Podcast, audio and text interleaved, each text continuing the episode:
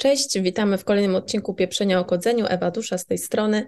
Witam naszych słuchaczy, witam moich gości. e, Mateusz Bogolubow, e, Krzysztof Waber, e, Mateusz devmentor.pl, Krzysztof można powiedzieć Code and Pepper.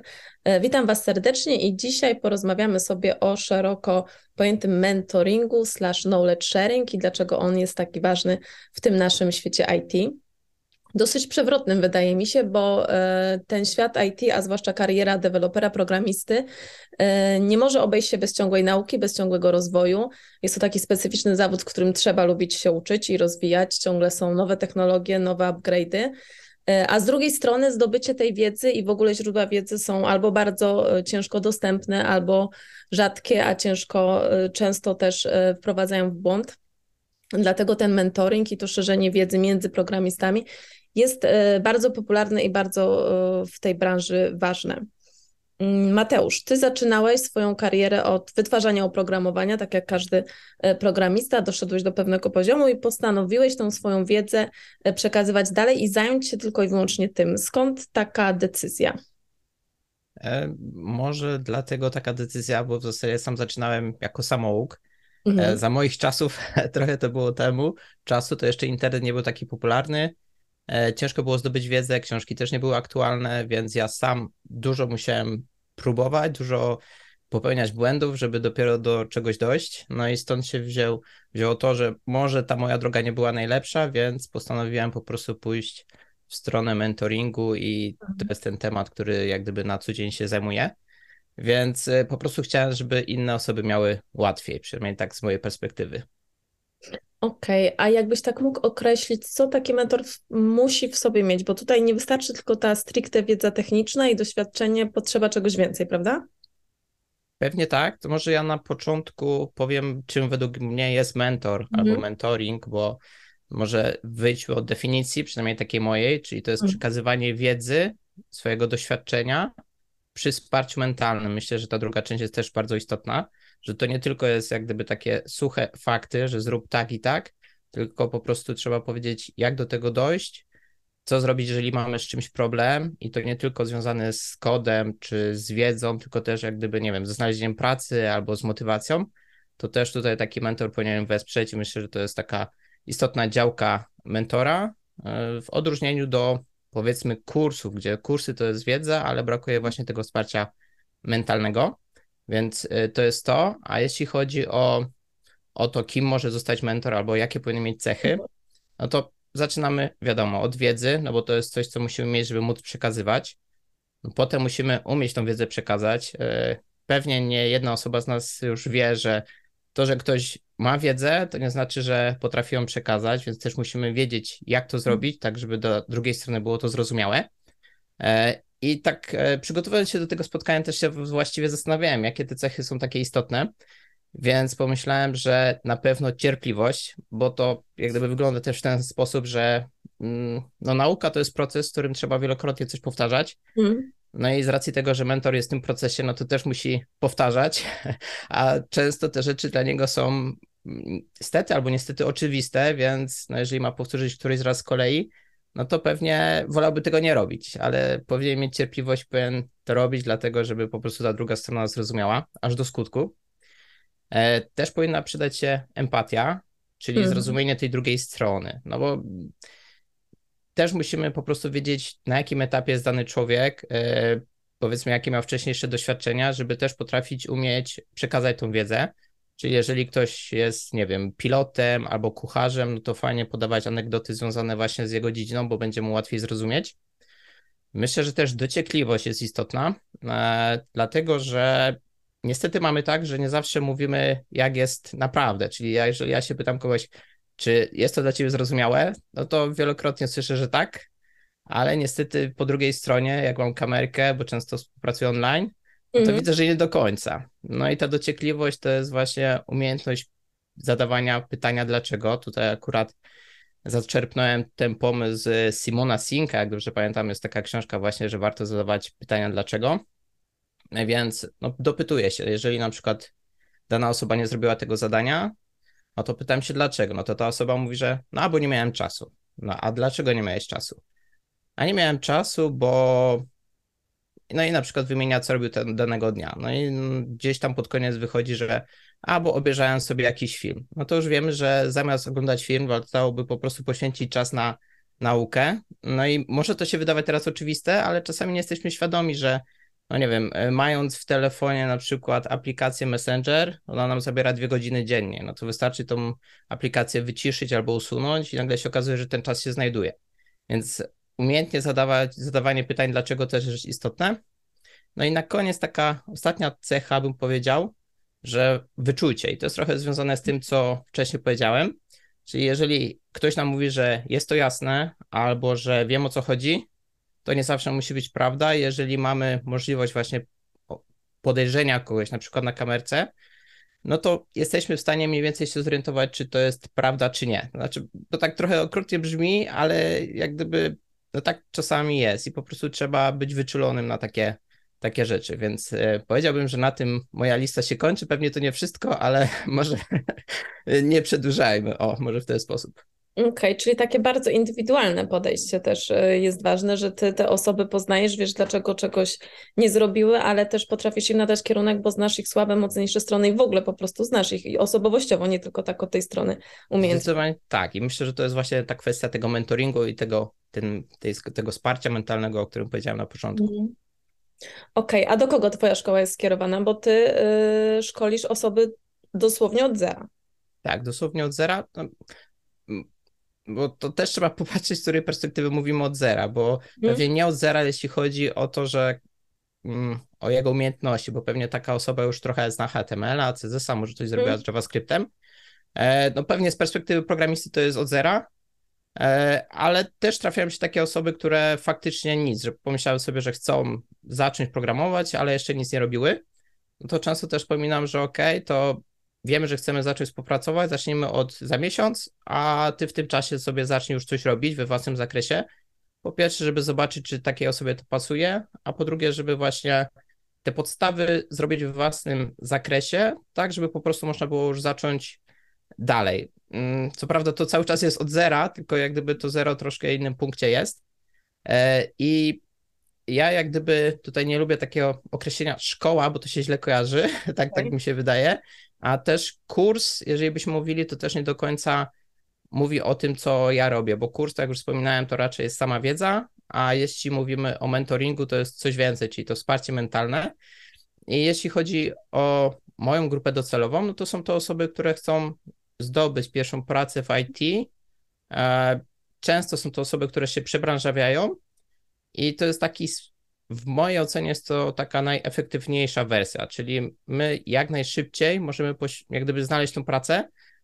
Ja tu zakładam, że jest to czas 6 miesięcy przy założeniu, że poświęcamy 20 godzin tygodniowo, więc y, tak to mniej więcej wygląda.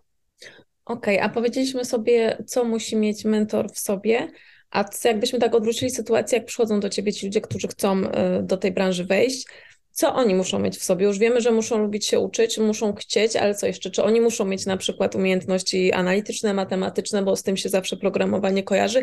Ja słyszałam znowu, że programista nie tyle musi mieć umiejętności, nie tyle musi lubić matematykę, co musi lubić budować, bo mhm. programowanie to takie trochę składanie z klocków. A twoim zdaniem co? Jakie cechy musi mieć taki kandydat, który do ciebie przychodzi? No myślę, że przede wszystkim zaangażowanie i mhm. musi lubić to, co robi, w sensie, że musi lubić programować, kodować, czy jakbyśmy to nie nazwali, po prostu fajnie, żeby już spróbował i zobaczył, że mu to daje przyjemność, bo to jest taka, taki element, który pozwala nam potem przezwyciężyć wszelkie problemy, bo jeżeli nie ma tych dwóch rzeczy, zaangażowania i właśnie lubienia tego, no to pewnie gdy pojawią się problemy, a na pewno się pojawią, bo nauka programowania czy programowanie nie jest proste, e, to wtedy jest problem z tym, żeby przeskoczyć to. I może też zaraz zaznaczę, że często się mówi o tym, że a, muszę być właśnie dobry z matematyki albo z fizyki, że tutaj mamy trudne tematy do, do zrealizowania i pewnie w niektórych działkach tak jest, ale ja akurat specjalizuję się, specjalizuję się we frontendzie i nie mhm. powiedziałbym, że ta matematyka jest niezbędna do, do jak gdyby takiego realizowania jakichś takich normalnych projektów. E, często chodzi o podejście, w sensie jak gdyby taki stan umysłu bym powiedział, czyli ktoś sobie wymyślił, że a, bo powtarzali mi przez całą szkołę, że matematyka jest niezbędna do tego, mhm. żeby programować, więc ja pewnie się nie nadaję. A potem tacy ludzie przychodzą do mnie po 5-10 latach pracy w innej branży i mówią, wiesz co, zawsze mnie to kręciło, gdzieś tam na boku sobie to robiłem, ale myślałem, że nie dam rady, a teraz chcę spróbować. No i próbuję i mu się udaje. I może nie, nie to sformułowanie nie jest najlepsze, że się udaje, bo to mm, jak gdyby pokazuje, że to było przypadek, a to nie jest przypadek, tylko ciężka praca. Mhm. Więc e, w ten sposób bym podszedł do tego tematu. I tu faktycznie, jak gdyby logiczne myślenie pomaga, ale uważam, że też można się go nauczyć. E, Jak gdyby realizując zadania, projekty, widzimy na jakiej zasadzie to wszystko działa, jak połączyć te klocki, no i wtedy faktycznie to wszystko się układa. E, Więc bardzo możliwe, że są osoby, które mają większe predyspozycje, ale to nie znaczy, że jeżeli ktoś nie ma ich, to nie jest w stanie się tego nauczyć. Pewnie zajmą to dłużej, ale będzie w stanie. Okej, i teraz, y, jeżeli za cel y, obieramy sobie zdobycie pracy jako programista, to nasuwają mi się takie dwa pytania. Jak radzisz sobie z tym, żeby takiego kandydata przygotować? e, Po pierwsze, z, z, z takiego projektowego życia i doświadczenia pracy e, w projekcie takim e, po prostu płatnym i jak rozwiązujesz problem tego, żeby nauczyć ich pracy w zespole, bo jednak programista nigdy nie, nie pracuje, nie tworzy kodu i produktu sam, tylko to jest praca zespołowa i ona też jest bardzo charakterystyczna. E, Jak omijasz ten problem? Jakoś wprowadzasz te wątki? Jak sobie z tym radzicie? Mhm, jasne, to może e, powiedziałbym tak, że jeżeli byśmy mieli powiedzieć, czy jesteśmy w stanie e, jak gdyby prac- nauczyć się pracy zespołowej bez zespołu, to pewnie nie, Mhm. ale jeżeli mielibyśmy podzielić mm, jak gdyby ten temat na kilka elementów, e, na które składa się właśnie praca zespołowa, czyli na przykład można byłoby tutaj powiedzieć praca z Gitem i konflikty, Mhm. mm, na przykład komunikacja, na przykład metodologia pracy, czy to Scrum, czy coś innego i zrozumienie czyjegoś kodu e, i myślę, że to są takie cztery elementy, o które moglibyśmy wyróżnić, jeśli chodzi o pracę zespołową, no to pewnie trzy na cztery z nich jesteśmy w stanie zrealizować bez tego zespołu, czyli praca z Gitem i konflikty pewnie jesteśmy w stanie sobie zasymulować. Komunikacja, m, pewnie ucząc się programowania jesteśmy w jakiejś społeczności, więc tam już ta komunikacja się pojawia. Ja też, jeżeli e, rozmawiam z takimi osobami, spotykam się jeden do jeden, czy zadają mi pytania na Slacku, no to też muszą się tego nauczyć. Ja też zwracam uwagę, jak powinni zadawać te pytania, powinni powiedzieć, z czym dokładnie mają problem, jak, co chcą osiągnąć, co już próbowali, co nie działa, żeby też było wiadomo, z jakiego, na jakim etapie jak gdyby zaczynamy analizę tego wszystkiego. E, No i tak naprawdę chyba jedyna rzecz, która taka jest nie do zrobienia bez zespołu, to właśnie ta metodologia pracy, w sensie Mhm. wymieniania się tymi wszystkimi zadaniami, jak gdyby omawianie ich, wdrażanie i tak dalej. I bez zespołu pewnie trudno jest to zrealizować. Myślę, że taka firma, która przyjmuje juniora bez doświadczenia komercyjnego, no powinna Mhm. też e, coś zainwestować, że tak powiem, czyli to jest taki element, który ona powinna przekazać, no ale z założeniem takim, że ta osoba ma już wiedzę i inne pozostałe elementy też na odpowiednim poziomie, to wdrożenie jej raczej nie powinno być jakimś dużym problemem. No i też takim innym rozwiązaniem jest po prostu dotarcie do takiego zespołu, czyli to może być e, projekt jakiś open, source, open, open source albo coś e, podobnego. Ja tu akurat jestem na etapie szukania firm, które chciałyby na przykład firm albo osób, które chciałyby zrealizować swój własny projekt, Mhm. takiej wersji MVP i my go zrealizujemy, czyli mój zespół oparty o juniorów bez doświadczenia komercyjnego, na który, który po prostu będzie mógł być przetestowany przez userów czy przez klientów i wtedy taka osoba po minimalnych kosztach, jak gdyby ta firma, która chce zrealizować ten projekt, jest w stanie otrzymać go niskim kosztem, pewnie też wydłużonym czasem, może gorszą jakością tego kodu trochę, no ale coś za coś. No często jest tak, że tworzymy kilka wersji MVP, a dopiero jeden wybieramy i go rozwijamy, więc może się okazać, że to będzie fajna opcja i tutaj może też od razu apel do firm, które nas oglądają albo słuchają, że jeżeli by chciały coś takiego zrealizować, to zapraszam do mnie. Fajna opcja, rzeczywiście. Trzymałbyś pieczę nad takim świeżutkim zespołem i dowiedzeniem tego produktu wtedy?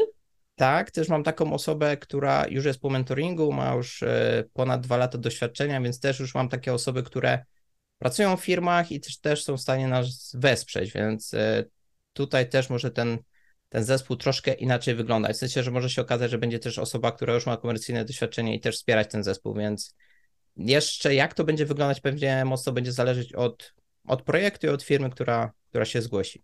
Mhm. zawsze z sukcesem jakby kończycie ten kurs, czy zdarzyło Ci się kiedyś, że trafiłeś na osobę, która po prostu to nie było mimo chęci wielkich i zaangażowania dla niej, bo to jednak też jest specyficzny zawód i specyficzna rola, trzeba umieć i lubić to przede wszystkim robić. Zdarzyło Ci się tak, że po prostu powiedziałeś w jakiejś tam, na jakimś etapie, że no musimy odpuścić, bo może poszukaj swojej drogi gdzieś indziej?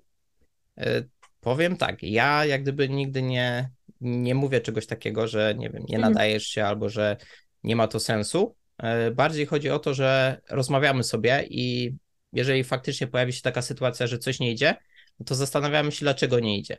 Często to zależy od tego, że pojawiło się w życiu dodatkowe mm, obowiązki, na przykład ktoś Mhm. został rodzicem i nie ma czasu, żeby poświęcić go na naukę.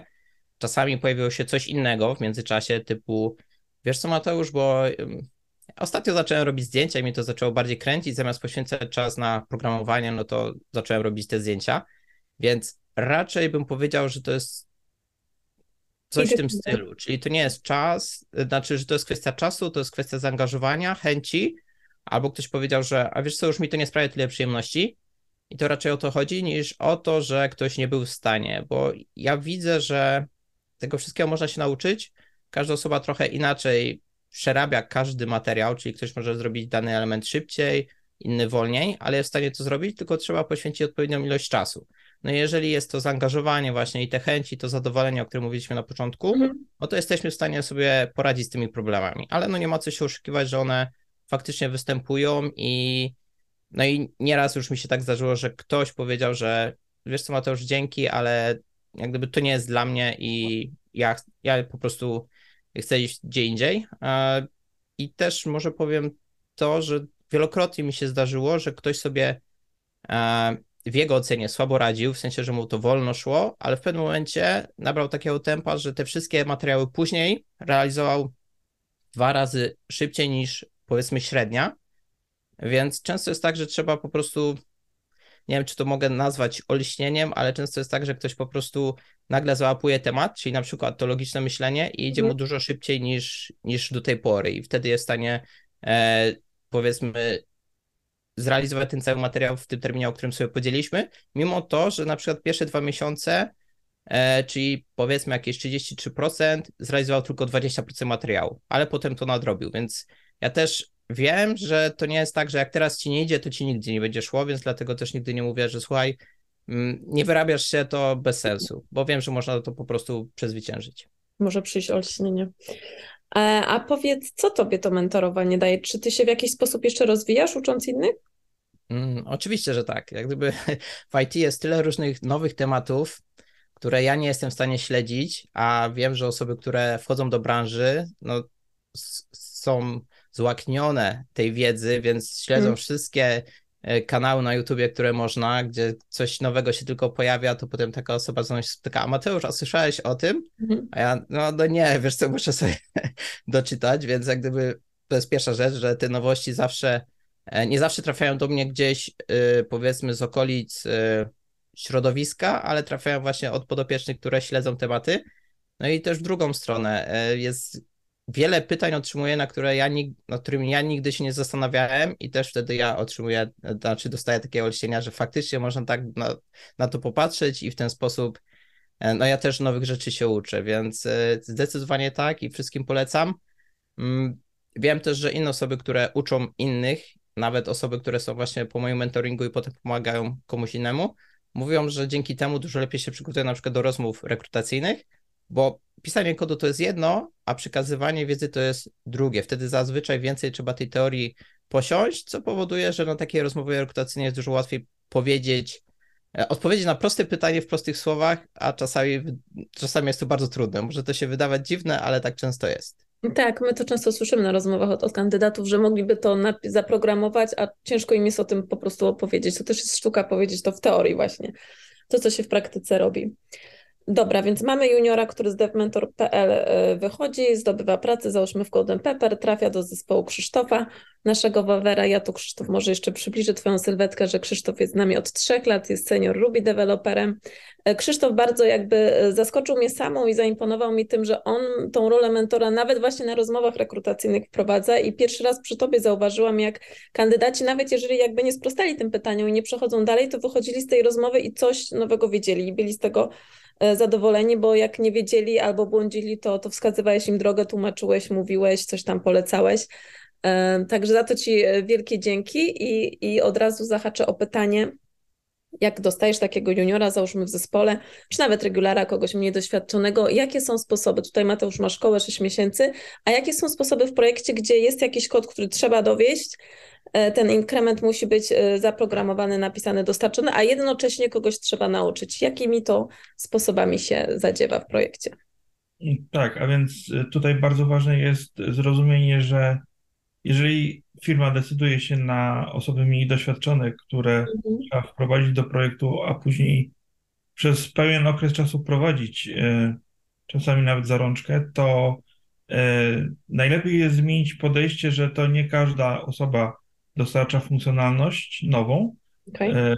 tylko funkcjonalność dostarczana jest przez cały zespół i wtedy diametralnie zmienia się obraz tego, że e, ktoś nie dowozi, e, bo cały czas coś nowego się pojawia. E, I jest wiele technik. Podstawową techniką jest taką, tak, podstawową, E, code review, czyli mhm. przegląd kodu i dawanie feedbacku odnośnie tego, co ktoś napisał. I tutaj bardzo ważna jest kwestia tego, w jaki sposób to robimy, bo można napisać, że coś jest e, napisane nieprawidłowo, można coś lepiej, ale bez informacji, jak to napisać. Można podać konkretny przykład, ale wtedy e, ta osoba nie nauczy się, dlaczego tak akurat zostało zrobione, więc idealnie, dawa, e, idealnie jest dawać e, względnie rozbudowane opisy w code review, tak żeby e, nie tracić później czasu na dodatkową dyskusję polegającą na dopytywaniu się, co, co mhm. jest nie tak. Tak? I to jeżeli chodzi o code review, kolejną kwestią to jest pair programming. To jest technika czasochłonna i trzeba przy tym pamiętać, że można popaść e, w takie podejście, że będziemy starać się przekazać e, osobie, która uczy się od nas, e, za dużo informacji w krótkim okresie czasu. No i to poskutkuje tym, że większości informacji sobie nie przyswoi. Mhm. Dlatego to też trzeba odpowiednio dawkować, tłumaczyć i dopytywać się właśnie, czy na pewno coś jest zrozumiałe. Ostatnio spotkałem się z takim czymś jak prowadzenie osoby świeżej do projektu przez e, krótki okres czasu. Było to realizowane, mm, w różnych firmach jest to różnie realizowane. E, w poprzednim projekcie miałem sytuację, że w ciągu jednego tygodnia był przedstawiany projekt, no jednak tutaj podobnie jak w programingu, wszystko zależy od mhm. intensywności tego. Jeżeli e, ta intensywność jest za duża, to nie przyniesie to takiego efektu, jak y, można byłoby osiągnąć. No i y, ważną kwestią jest również y, dopytywanie się i nie poleganie na, na takim podejściu, że powiedziałem, co zrobić, to oczekuję, że ta osoba zrobi, tylko coś w rodzaju kontroli, że sprawdzam, czy efekty zostały osiągnięte, bo to głównie na efektach nam mhm. E, zależy. I w 2015-16 roku miałem taką sytuację, że e, jak mentorowałem osobę, to mieliśmy rozmowy rano, gdzie e, rozmawialiśmy, co trzeba zrobić i tak dalej, a i pod koniec dnia była druga rozmowa, żeby rozwiać ewentualne wątpliwości a nie czekać do następnego dnia z pytaniami, czy coś nie działa. Okej. E, Brzmi to bardzo, powiem Ci szczerze, czasochłonnie, gdyby chcieć przeprowadzać właśnie takie dokładne code review i ten pair programming taki, jaki powinien być. Jak taki senior, e, mentor, który uczy, e, ma sobie ten czas wygospodarować i rozdzielić, podczas kiedy też musi kodować i też zazwyczaj on ma te trudniejsze w projekcie zadania. Tak, i tutaj jest ważna kwestia e, zmiany podejścia do estymacji zadań. Mhm. E, Jeżeli e, założymy, że przyjmujemy juniora, mida, regulara i zadania będziemy estymować z naszej perspektywy, z perspektywy seniora, to osoba mniej doświadczona po prostu nie dostarczy tyle, ile my dostarczymy. Więc jeżeli mamy kogoś nad sobą, komu to e, dostarczamy, czy to jest klient, czy to jest stakeholder, to e, dobrze jest zmienić podejście do estymacji z punktu widzenia tej osoby mniej doświadczonej. Wtedy my jesteśmy w stanie ją nauczyć, ją poprowadzić, a my równocześnie jesteśmy w stanie wygospodarować czas, żeby dostarczyć nawet czasami trochę więcej niż e, ta osoba mniej doświadczona, ale tutaj też jest to uzależnione od tego, jak dobrze znamy projekt. Okej, mm, To też wydaje się taka bardzo ścisła współpraca z tymi, e, których uczycie i, i jako uczący. Czy w ogóle fakt, że e, robimy to zdalnie, teraz praktycznie już zawsze ma jakieś znaczenie? Miałoby to jakby lepszy efekt, gdybyśmy siedzieli biurko w biurko? Tak, więc e, no, sytuacja sprzed kilku lat pokazała nam, że ludzie mogą dosyć szybko przystosować się do pracy zdalnej. E, Jednak efektywna praca zdalna wymaga trochę innego zestawu umiejętności, które z czasem się nabywa. I w przypadku pracy zdalnej no, nie możemy kogoś poklepać po ramieniu, tak przysłowiowo, i e, zapytać się, hej, możesz mi pomóc, bo mam z czymś problem, tylko no tutaj potrzebna jest e, większa samodyscyplina, e, bardziej umawianie się na e, spotkania, komunikatywność na komunikatorach, żeby nie siedzieć samemu i nie próbować czegoś zrobić w nieskończoność. Dlatego ja od długiego czasu pracuję zdalnie, więc dla mnie nie ma za dużej różnicy a y, bardzo często zdalnie jestem bardziej efektywny niż przy pracy w biurze.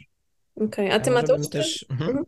mentorujesz i tak, i tak, czy tylko zdalnie? Nie, raczej tylko zdalnie. E, zra- jak gdyby widzę wiele korzyści, nie widzę negatywnych e, elementów tego rozwiązania. Po pierwsze, nie musimy nigdzie jeździć, czyli jesteśmy tutaj do przodu, powiedzmy o te pół godziny, czy tam Mm. nawet godzinę dziennie. I to myślę, że nie tylko jak w formie takiej nauki, ale też nawet jeżdżenia do pracy. Druga rzecz, e, jak gdyby mając te wszystkie narzędzia, które teraz mamy, może to wyglądać identycznie, jakbyśmy siedzieli obok siebie. No na przykład y, możemy połączyć edytory, czyli jak gdyby ja mam na komputerze swoją wersję, Mhm. na drugim komputerze jest drugi edytor, który jest połączony pode mnie, czyli jak ja piszę kod, to ta druga strona widzi na odwrót. Mając jeszcze komunikator typu Zoom, czy, czy Skype, czy coś innego, jesteś w stanie udostępnić ekran, czy nawet nagrywać to, więc w ten sposób ta osoba też nawet nie musi zapamiętywać wszystkiego, to o czym wspomniał Krzysztof, tylko też może mieć nagranie, wrócić sobie do nagrania i cofnąć jeszcze do tego momentu, który nie rozumie, więc to jest dodatkowy plus. Mm, Więc faktycznie może nie ma tego jej możliwości poklepania, ale można w zasadzie powiedzieć, o super sobie poradziłeś, fajnie, że to jest zrobione.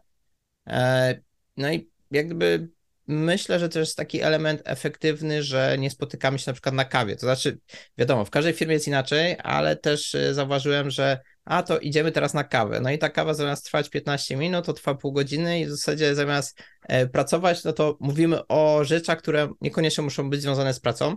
Nie mówię, że to jest złe, ale to przekłada się też na efektywność tej pracy. W domu oczywiście też możemy tak robić, ale jeżeli ktoś jest przyzwyczajony do tej pracy zdalnej, to raczej nie ma z tym problemu, więc myślę, że ta wydajność jest dużo lepsza, choćby dlatego, że na przykład w pracy często wychodzimy o jakiejś konkretnej godzinie, a w domu możemy sobie zrobić przerwę na jedną godzinę czy na dwie, wychodząc gdzieś, wracając i dokończyć to, co trzeba. Wiadomo, że to zależy od formy i, i tego, jak, co, co realizujemy, no ale też tak można, więc akurat forma zdalna u mnie się sprawdza super, Założę, przy założeniu, że mamy tą kamerkę, jak gdyby mamy możliwość połączenia się edytorami, jak gdyby nie ma tam kwestii bezpieczeństwa i innych tematów, no to jak najbardziej jesteśmy w stanie to zrealizować zdalnie i nie sądzę, żeby to był problem w IT. Przynajmniej w mojej wersji, czyli uczenia innych, w ogóle nie jest to problem.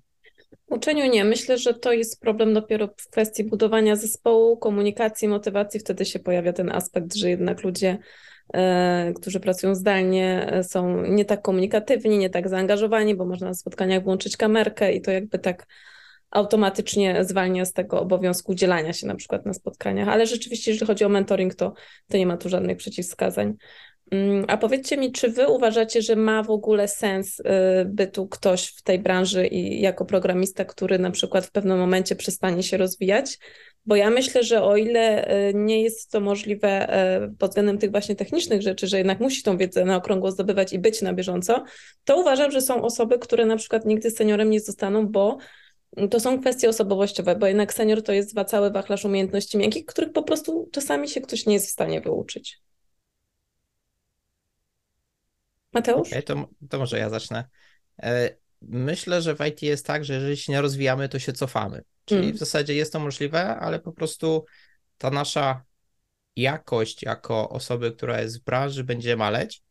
Więc y, oczywiście jest to możliwe, tylko musimy się liczyć z tym, że pewnie te oferty pracy będą gorsze, albo po prostu ktoś niekoniecznie będzie chciał z nami przedłużyć umowę, albo, mm, albo może się okazać, że jak gdyby ten nasz kod, który piszemy, jest na tyle przestarzały, że po prostu no już nie otrzymamy tej pracy. Wiadomo, że to już jest taki e, temat, który może się pojawić powiedzmy po pięciu latach e, od tego, jak nic nie robimy, ale faktycznie tak może być, więc tutaj się powinniśmy rozwijać. No i pewnie te tematy miękkie też są bardzo istotne, e, bo jeżeli mamy się piąć, piąć po ścieżce kariery, no to na wyższym poziomie ta komunikacja jest coraz bardziej, e, jest ważniejsza po prostu, czy inne elementy miękkie i po prostu nie rozwijając ich, po prostu no nie będziemy mogli iść powiedzmy dalej, więc jak najbardziej zgadzam się z tym, że musimy się rozwijać, a może też dodam, że uczenie innych potęguje ten rozwój, no bo jeżeli my sami coś robimy, no to powiedzmy, że się uczymy jednej rzeczy, a jeżeli trzy osoby uderzają do nas z różnymi problemami, to to się ok okazuje, że danego dnia nie popełniłem jednego błędu, na którym się nauczyłem, tylko jeszcze trzy osoby inne popełniły i ja go rozwiązałem, dzięki temu też się rozwinąłem, więc to jest też dodatkowy plus właśnie mentorowania innych. Mhm. Tak, a z mojej strony może to zabrzmi kontrowersyjnie, ale to w sumie zależy od technologii, bo jeżeli mamy y, kod, y, kod aplikacji, cokolwiek napisane w dosyć niszowej technologii, przykładem koronnym jest tutaj COBOL i utrzymanie infrastruktury krytycznej państw, no to wtedy taka osoba nie potrzebuje rozwoju, tylko wykorzystuje swo, swoją zdobytą wiedzę, bo się po prostu ta branża y, nie rozwija, ta gałąź y, programowania. Natomiast w takim popularnym, codziennym y, życiu programisty to właśnie rozwój jest konieczny, chociażby właśnie y, najpierw zaczynamy od tych hard skilli, tak, twardych skilli, a później mamy te soft skille, y, umiejętność komunikacji i tak dalej. Jeżeli w tych umiejętnościach twardych dojdziemy do poziomu, że wiemy więcej niż potrzebujemy, no to można zrobić zawsze pivot na coś koło naszej technologii, żeby jeszcze bardziej rozszerzyć swoją wiedzę. Okej. Okay. Chciałabym dotknąć jeszcze jednego takiego aspektu szerzenia wiedzy, takiego, z którym my się na co dzień w Golden Pepper spotykamy i ty, Krzysztof, również, a mianowicie taki przypadek szerzenia wiedzy u klienta, gdzie do nas przychodzą firmy, zespoły z zagranicy i potrzebują wsparcia jakby specjalistów. Mają właśnie po swojej stronie regularów, juniorów, mają jakiś kod, który jest wątpliwej jakości, nie mają procesów i od nas oczekują tego, że przyjdzie właśnie taki senior i on te procesy zmieni, zmieni jakość, nauczy ten, ten zespół czegoś nowego, wyprowadzi, że tak powiem, na prostą drogę. Ty to, Krzysztof, robisz od lat i tak się zastanawiam, bo musi to być dużo trudniejsze, bo po pierwsze ten grunt jest zupełnie inny, bo to nie są już ludzie, którzy jakby chcą i, jakby to jest ktoś swój, tylko to często przychodzi właśnie ktoś z zewnątrz, jakiś kontraktor, Polak i, i on tutaj ma za zadanie czegoś ich nauczyć i, i czasami też są sytuacje, że tu management jakby naciska na to, żeby ten ta osoba z zewnątrz y, wnosiła zmiany, a często ci ludzie jakby podchodzą do tego z dużym dystansem, bo na przykład boją się tych zmian, bo boją się, że nie podołają. Powiedz mi z Twojego doświadczenia, właśnie to jest dużo trudniejsze i jakie problemy napotykasz na tym polu? A więc z mojego doświadczenia, jeżeli przychodzi osoba z zewnątrz, to y, często jest taka, y, taki dystans lekki do Mhm. tej osoby z zewnątrz i do propozycji, jakie są przekazywane zespołowi. Dlatego tutaj y, ważną rolę odgrywa zdobycie zaufania poprzez pokazywanie przykładów, pokazywanie, co mogło być lepiej, jakie potencjalne problemy mogą wyniknąć z obecnego podejścia. I y, właśnie z tego względu to mentorowanie zewnętrzne jest troszeczkę trudniejsze, a jeżeli chodzi o już dojście do tego mentorowania właściwego, to no, głównie wykorzystuje się takie same techniki jak w mentorowaniu firmowym. Tylko kwestia dojścia i określenia, że no, potrafi się. Tak, i, i, i ty chyba w poprzednim projekcie była taka zasada, że jeżeli ktoś chciał coś zmienić, to przygotowywaliście prezentację, przedstawialiście swój pomysł, czy tam swoje nowe narzędzie, tłumaczyliście dlaczego, co to ulepszy i dopiero wtedy jakby oni to procesowali i ewentualnie wprowadzali w życie, tak? Nie wystarczy Tak. przyjść i powiedzieć, ja wiem lepiej, bo z doświadczenia, bo wiesz oczywiście, tylko trzeba to wszystko uzasadnić. Tak, po- zależy to dużo od organizacji, y, y, od struktury organizacji, jak to wygląda.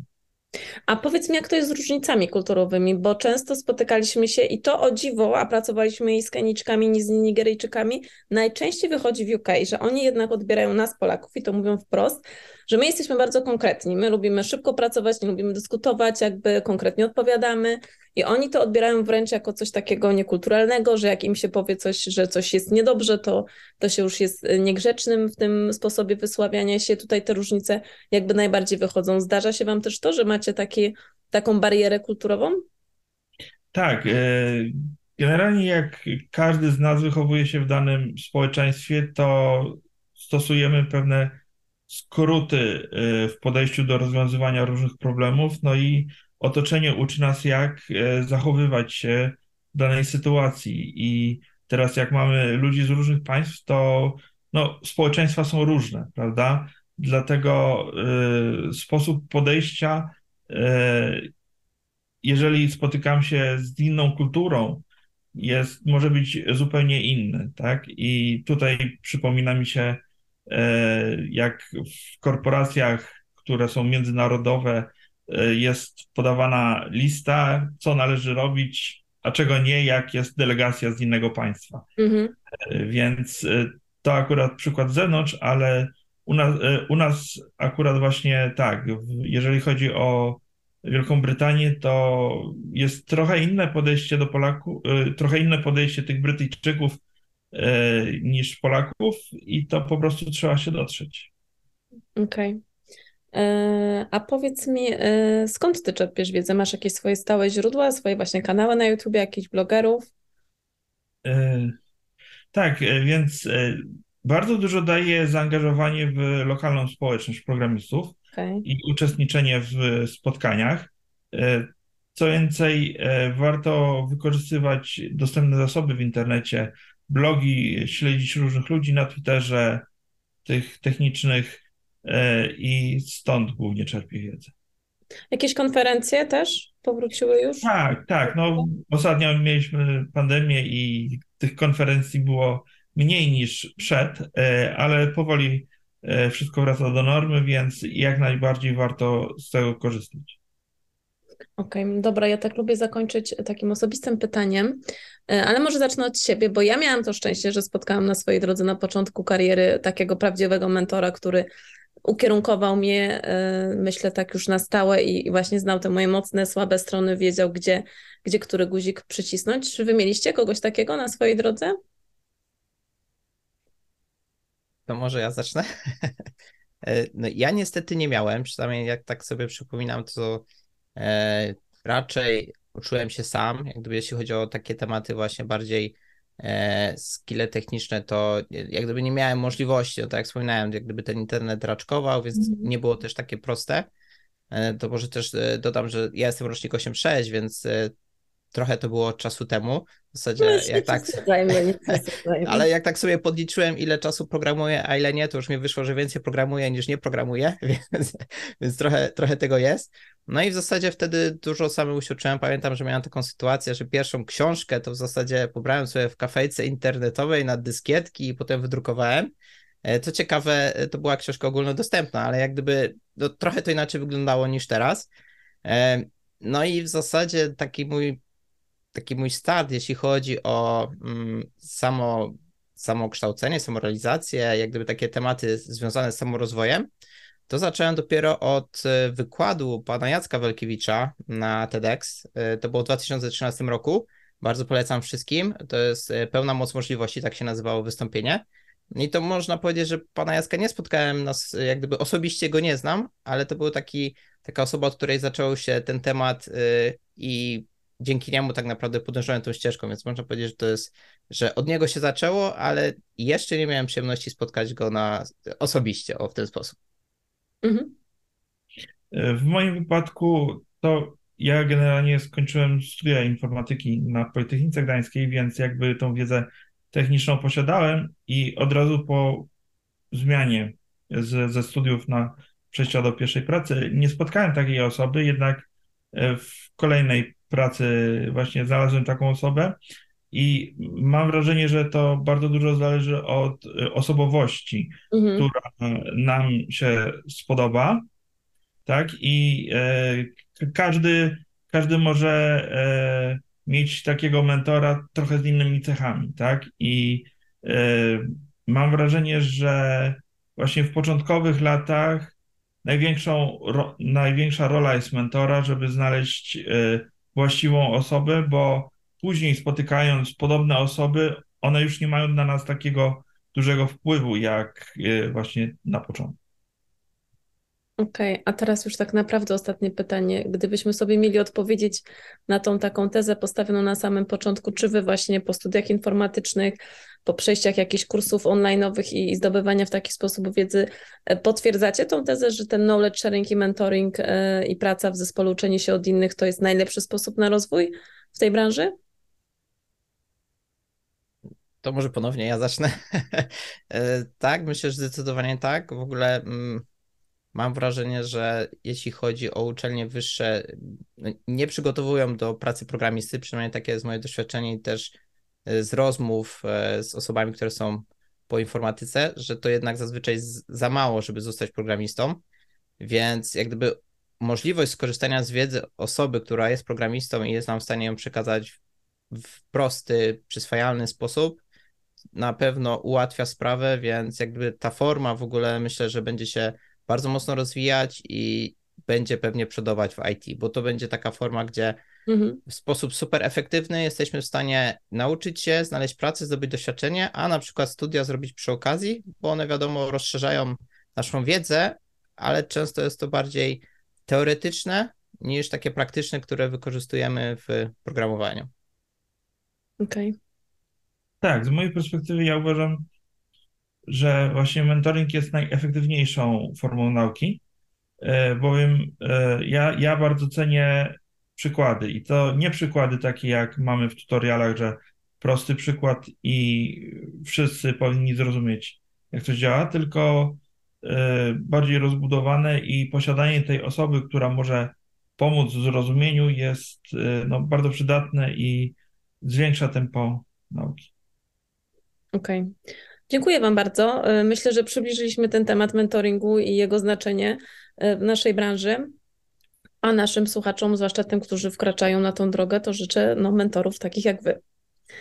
Dzięki za Wasz czas i do usłyszenia. Dzięki, pozdrawiam Dzięki. słuchaczy i oglądających.